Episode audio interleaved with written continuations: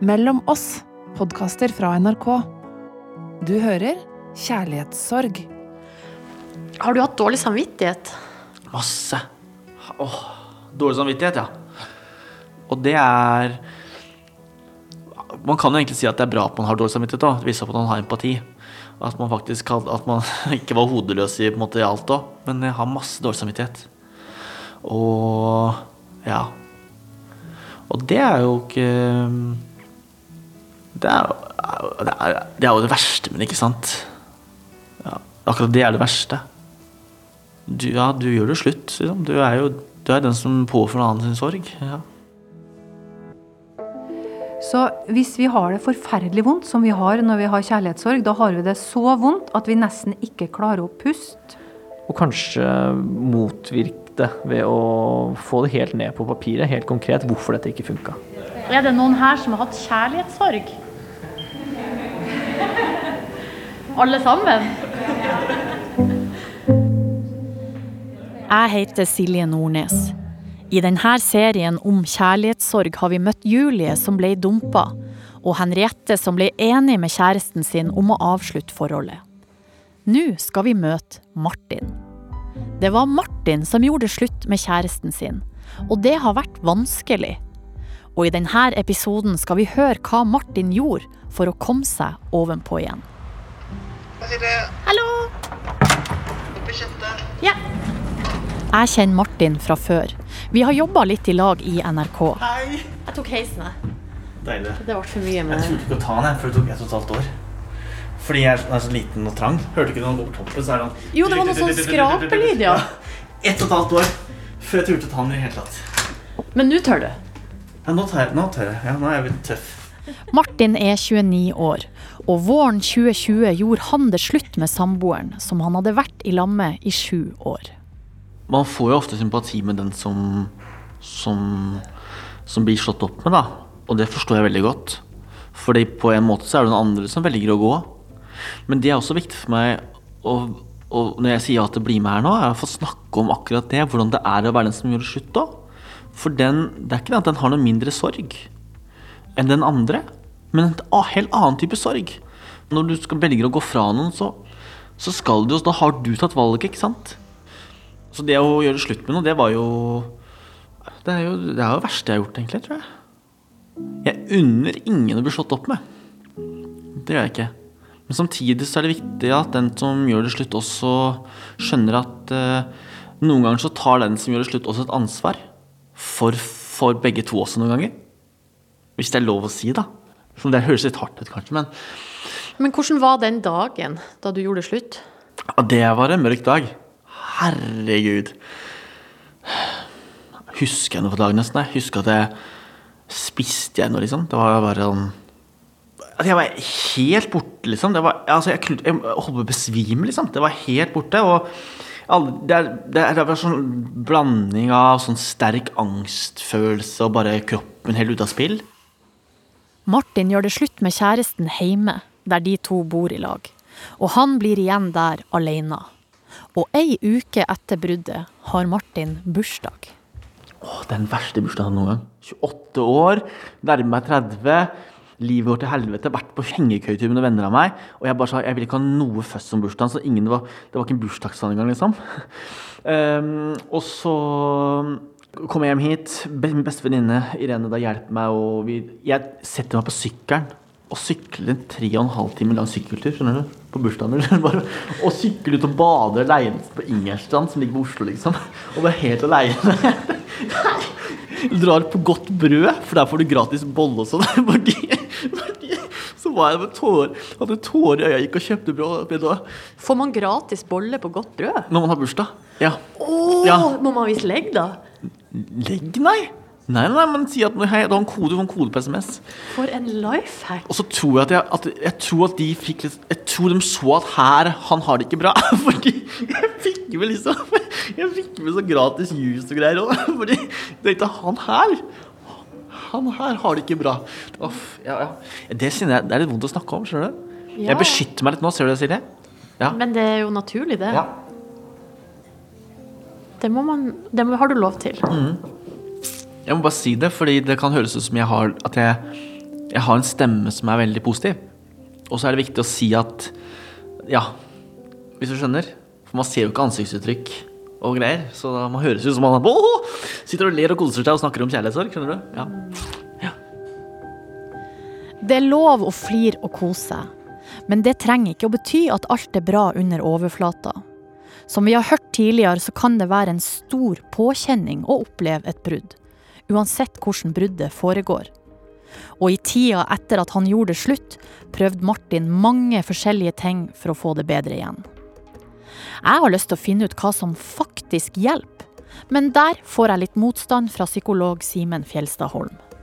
Jeg kvier meg alltid for å gi sånne helt generelle råd. Jeg blir som regel litt provosert når jeg leser om det. For det er alltid noen som vil sitte igjen og føle seg eh, mislykka fordi det ikke funker for dem. Det er så individuelt, dette her. Var det liksom målet ditt var å finne denne one size-løsningen?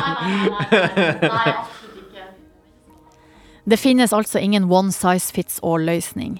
Til det er vi altfor forskjellige.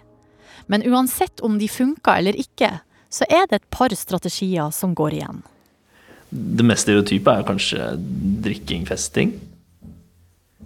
Eh, litt sånn manisk dating også kanskje en, eh, en ganske tilgjengelig løsning i, i disse dager, da. Med appene og sånt. At det er, så, det er så fort gjort å komme seg ut igjen. Eh, man tenker, Det er vel et sånt ordtak at the best way to get over someone is to get under someone else. Det er det mange som Og det kan være noe i det, altså. Men kanskje ikke etter et par dager, liksom. At det bør, eh, det bør jo få lov å lande litt, dette her. Det, er jo en, eh, det kan jo være et veldig stort tap. Det er det sunt å kjenne på. Det skal vi ikke prøve å viske ut. Og sjøl om Simen kvier seg for å komme med generelle råd, så har han et tips til hva som kan være lurt å gjøre når den mest akutte sorgen har lagt seg, men minnene om det som har vært, går som en ustanselig film oppi hodet. Da begynner vi å forebygge nostalgien. Da sletter vi eh, bilder, eh, rydder bort eh, ting, og kanskje mm, isolerer seg litt fra den personen på sosiale medier. Det trenger vi etter hvert, da. Fordi den nostalgien blir det kan du liksom frosse litt fast i, at det blir vanskelig å, å komme seg ut av. Eh, nostalgien per definisjon er jo også at du idylliserer noe som var. Når du ser på eh, hvor fint dere hadde det i solnedgangen på Kreta hver eh, dag, liksom, så er det vanskelig å huske på hvorfor dere aldri klarte å snakke godt sammen her hjemme i hverdagen, som du ikke har noe bilde av. Så fjern de idylliserende bildene, samtidig som du ikke kaster historien deres på, på sjøen, liksom, men, men prøv å forebygge den derre Og hele tiden skulle gå inn i sosiale medier og se på hvor fint dere hadde det. Og kanskje motvirke det ved å få det helt ned på papiret, helt konkret, hvorfor dette ikke funka. Hvorfor var ikke dette liv laga? Helt punktvis. Skriv det ned.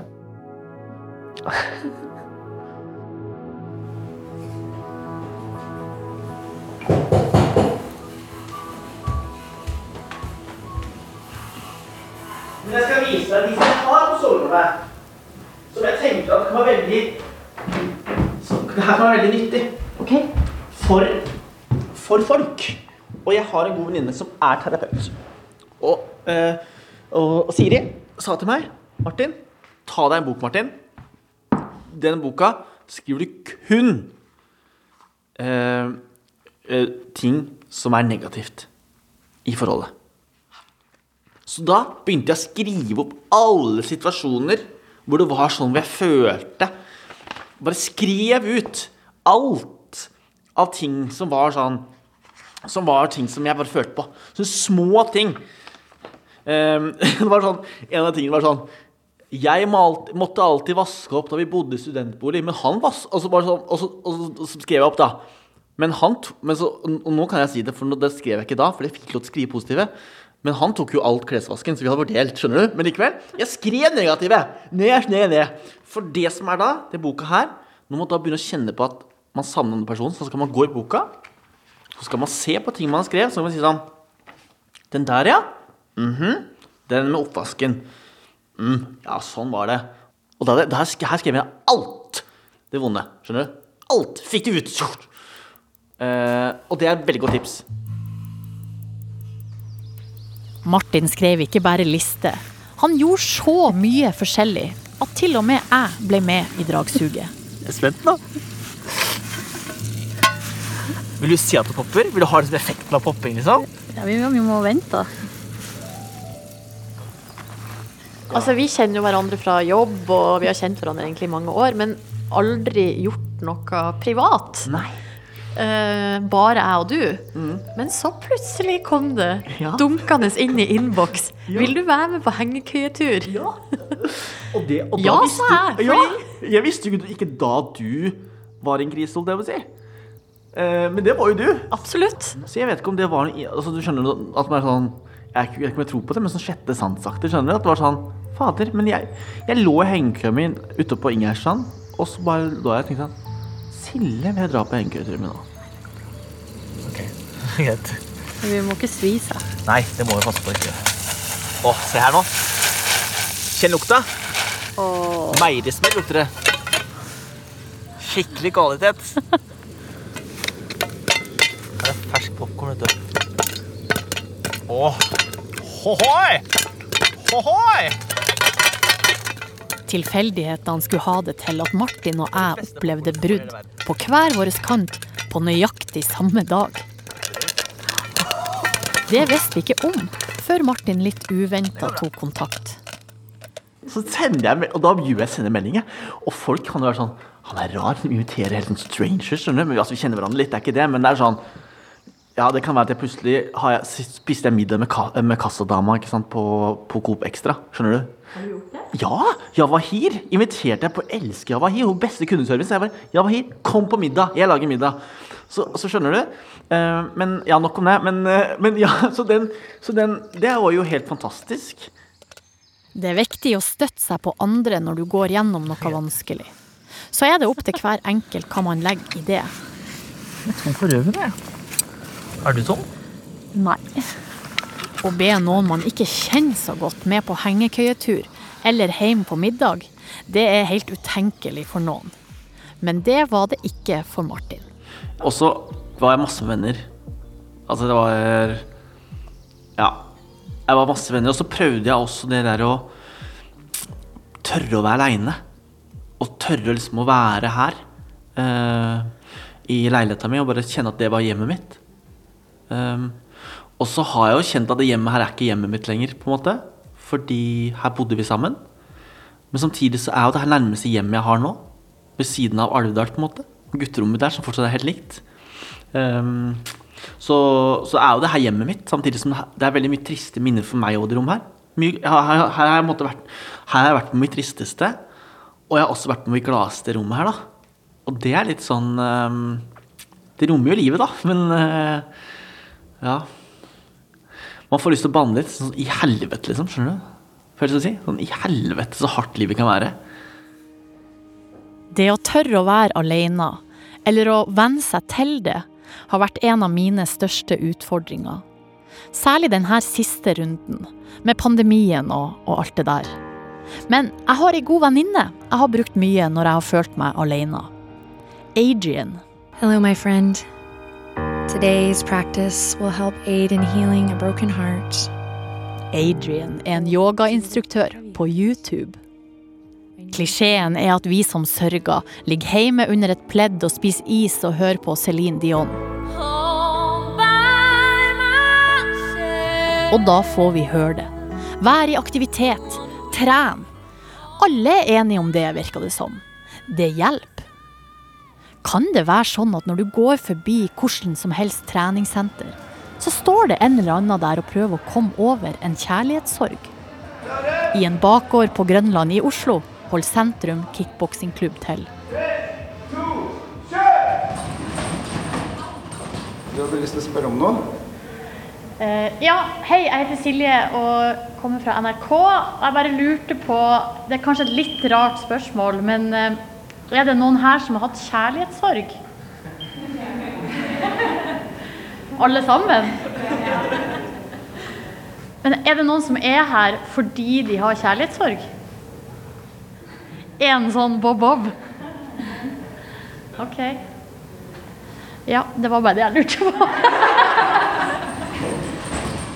Treneren på dette kurset heter Lars Erik Sandli.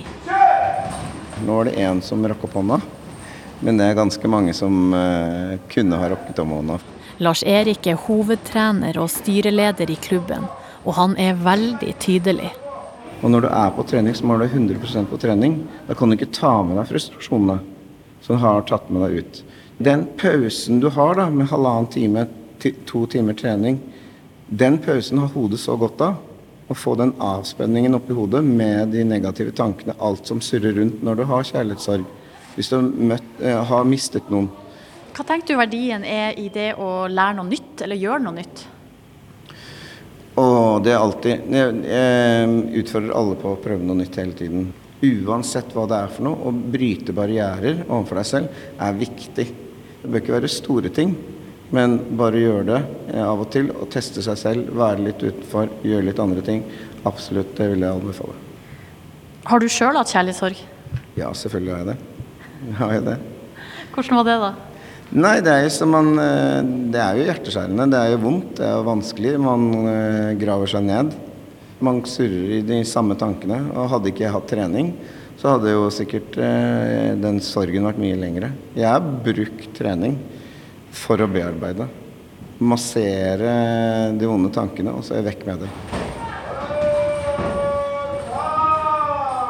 Det var én fyr som rakk opp handa da jeg spurte om noen var der pga. kjærlighetssorg. Han heter Uno og bruker trening for å bearbeide.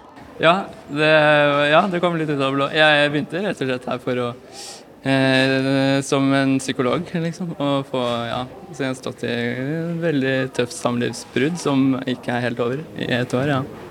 Mm. Og hvordan kom du på å dra hit?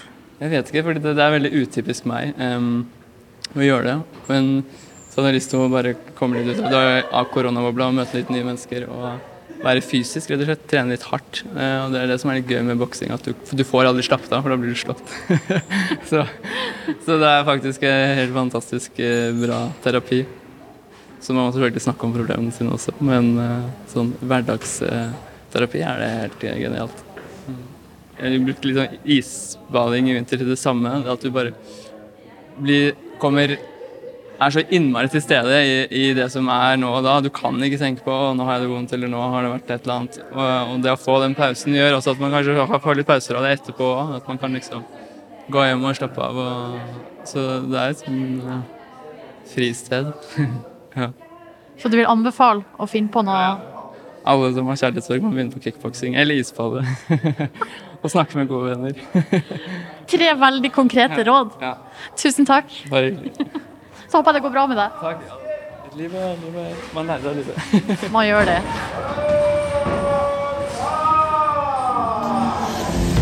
Martin begynte ikke på kickboksing da han hadde det vanskelig. Men han gjorde veldig mye annet. Jeg kjøpte eh, seilbåt, symaskin, landeveissykkel. Altså det var sånn, det var bare Det er helt de tre s-ene, som jeg kaller det. Sykkel, seilbåt, symaskin. Eh, jeg kjøpte nytt Sonos lydanlegg. Jeg måtte ha en god lyd. Altså, jeg bare Det var så mye nytt i livet mitt. Jeg måtte ha påfyll, da. Det var helt sånn eh, Ja, jeg kan jo vise deg kjapt. Det er sånn bokhylla mi. Se her. Der er det sånn den Her har jeg sånn masse kjærlighetsbøker.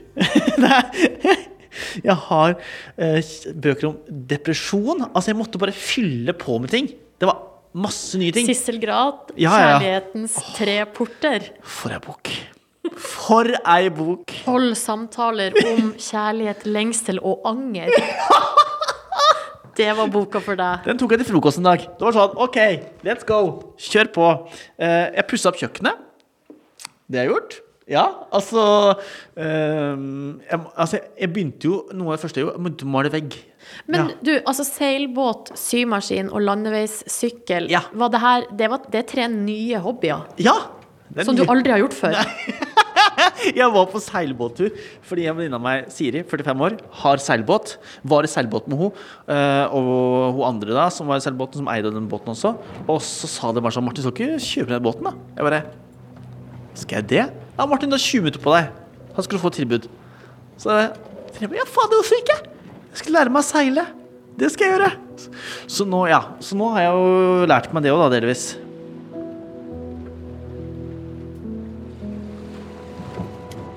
Det skapes et tomrom som må fylles med noe. Sjøl gikk jeg løs på bufferkontoen min en gang, etter ett av alle de her bruddene, og kjøpte nye ski og sydentur til Lanzarote. Men det føltes ikke helt bra. Jeg snakka med pappa på telefonen og var bekymra for at jeg brukte opp alle pengene mine, som egentlig skulle være en sikkerhet. Da sa pappa til meg, en bufferkonto er penger som er satt av til en krise. Det her er en krise. Men det er ikke alltid man har mulighet til å kjøpe masse greier for å føle seg bedre.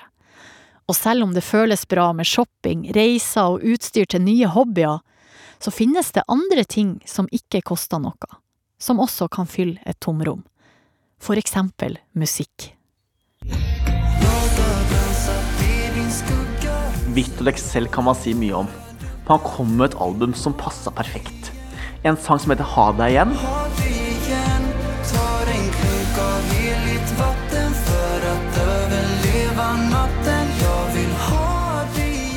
Du vet når du får det årsresonnementet av, eh, av Spotify. Spotify. Hvor mange ganger tror du det er mulig å høre på en sang om dagen? Nei, jeg vet ikke. Ja. Hvor mange ganger hørte du den? Nei, det var over 90 ganger. Per dag? Den dag, ene dagen så var det over 90 ganger at jeg hørte på den sangen. På repeat, liksom. Det Altså. er jo sånn at da kan folk begynne å lure på om det er noe kluss om Spot Spotify driver og Ja, det lurer jeg på. Eh. Ja, for da tenkte jeg Men det er faktisk sant, for jeg hørte på den fra morgenen til kveld den dagen. Jeg husker det så godt. Den kom ut, så hørte jeg på den. Og hjalp det? Ja, du får jo trøst, da. Det er jo fint, sikkert. Vi kan få trøst av musikk. Og i Trondheim er det ei dame som vet hvorfor. God dag, Nora heter jeg. Så hyggelig. Veldig hyggelig. Velkommen til Olavshallen i Trondheim. Takk for det. Skal vi bare gå inn? Ja. Her bygges det. Det er både symfoni- symfoniorkesteret Nora Bilalovic Kulseth er musikkprofessor og instituttleder ved Institutt for musikk ved NTNU. Nora har lurt på hvorfor vi hører på trist musikk når vi har kjærlighetssorg, og allerede er trist. Og hva er svaret? Ja, svaret er det at det er en strategi vi bruker for å bearbeide følelsen. Så hvis vi har det forferdelig vondt, som vi har når vi har kjærlighetssorg, da har vi det så vondt at vi nesten ikke klarer å puste.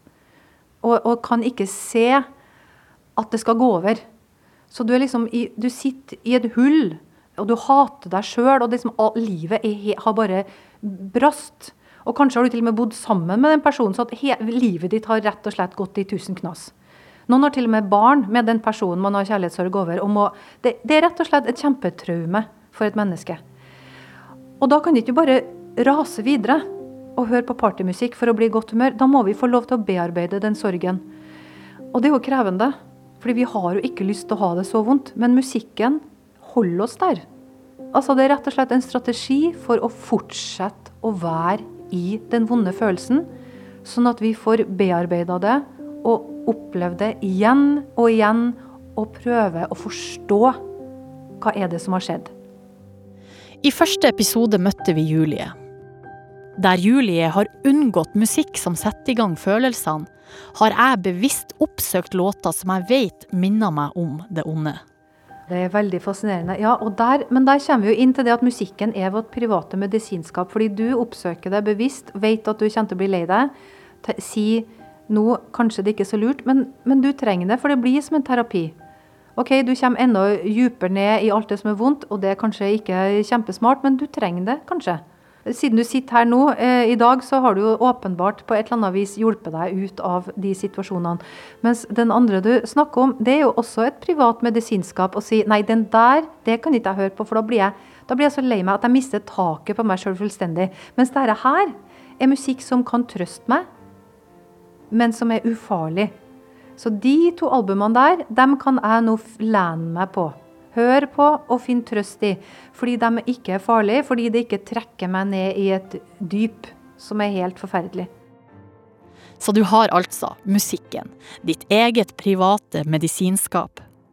Og så har Nora et helt konkret tips til noe som kan gjøre deg godt. Ja, vet du hva? Eh, altså, å synge i kor, det er eh, helsebringende som bare rakkeren. Det er ikke resultatet eh, som er viktig, hvor fint det er, eller hvor fint du syns at du synger, men det å synge med andre i kor, det booster altså velværehormonene i hjernen noe så voldsomt. Og alle som synger i kor, de kan, og det er sikkert noen som sitter og hører på dette her og bare tenker ja, det er helt sant.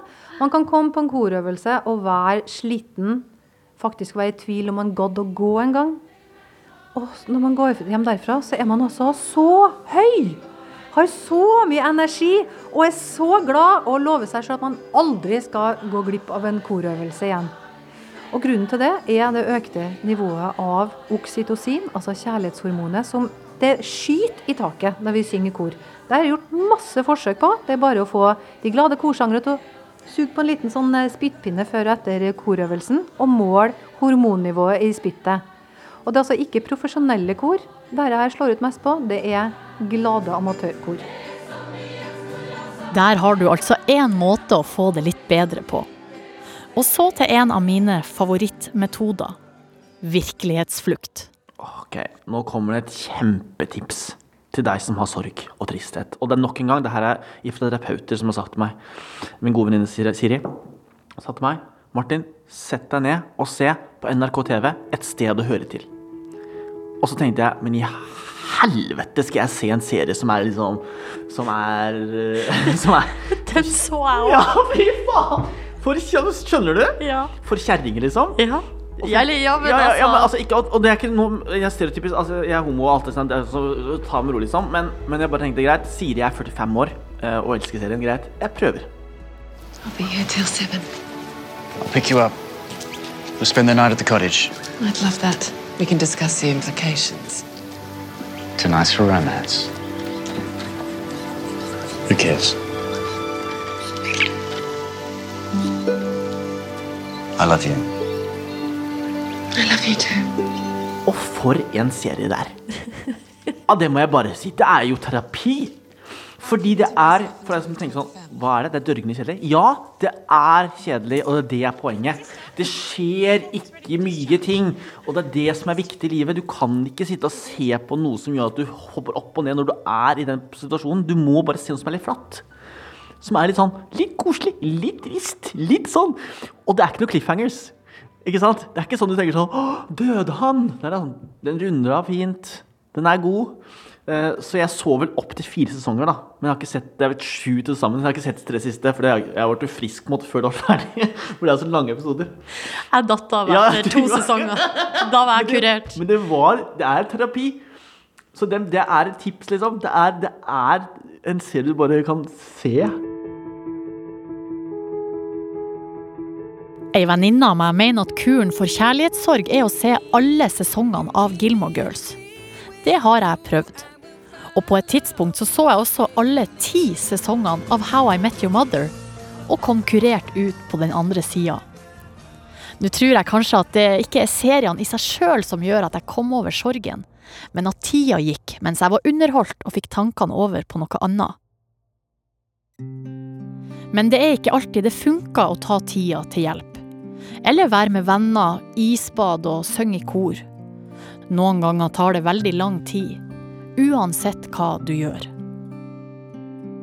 Det skal vi snakke om i neste episode av Kjærlighetssorg.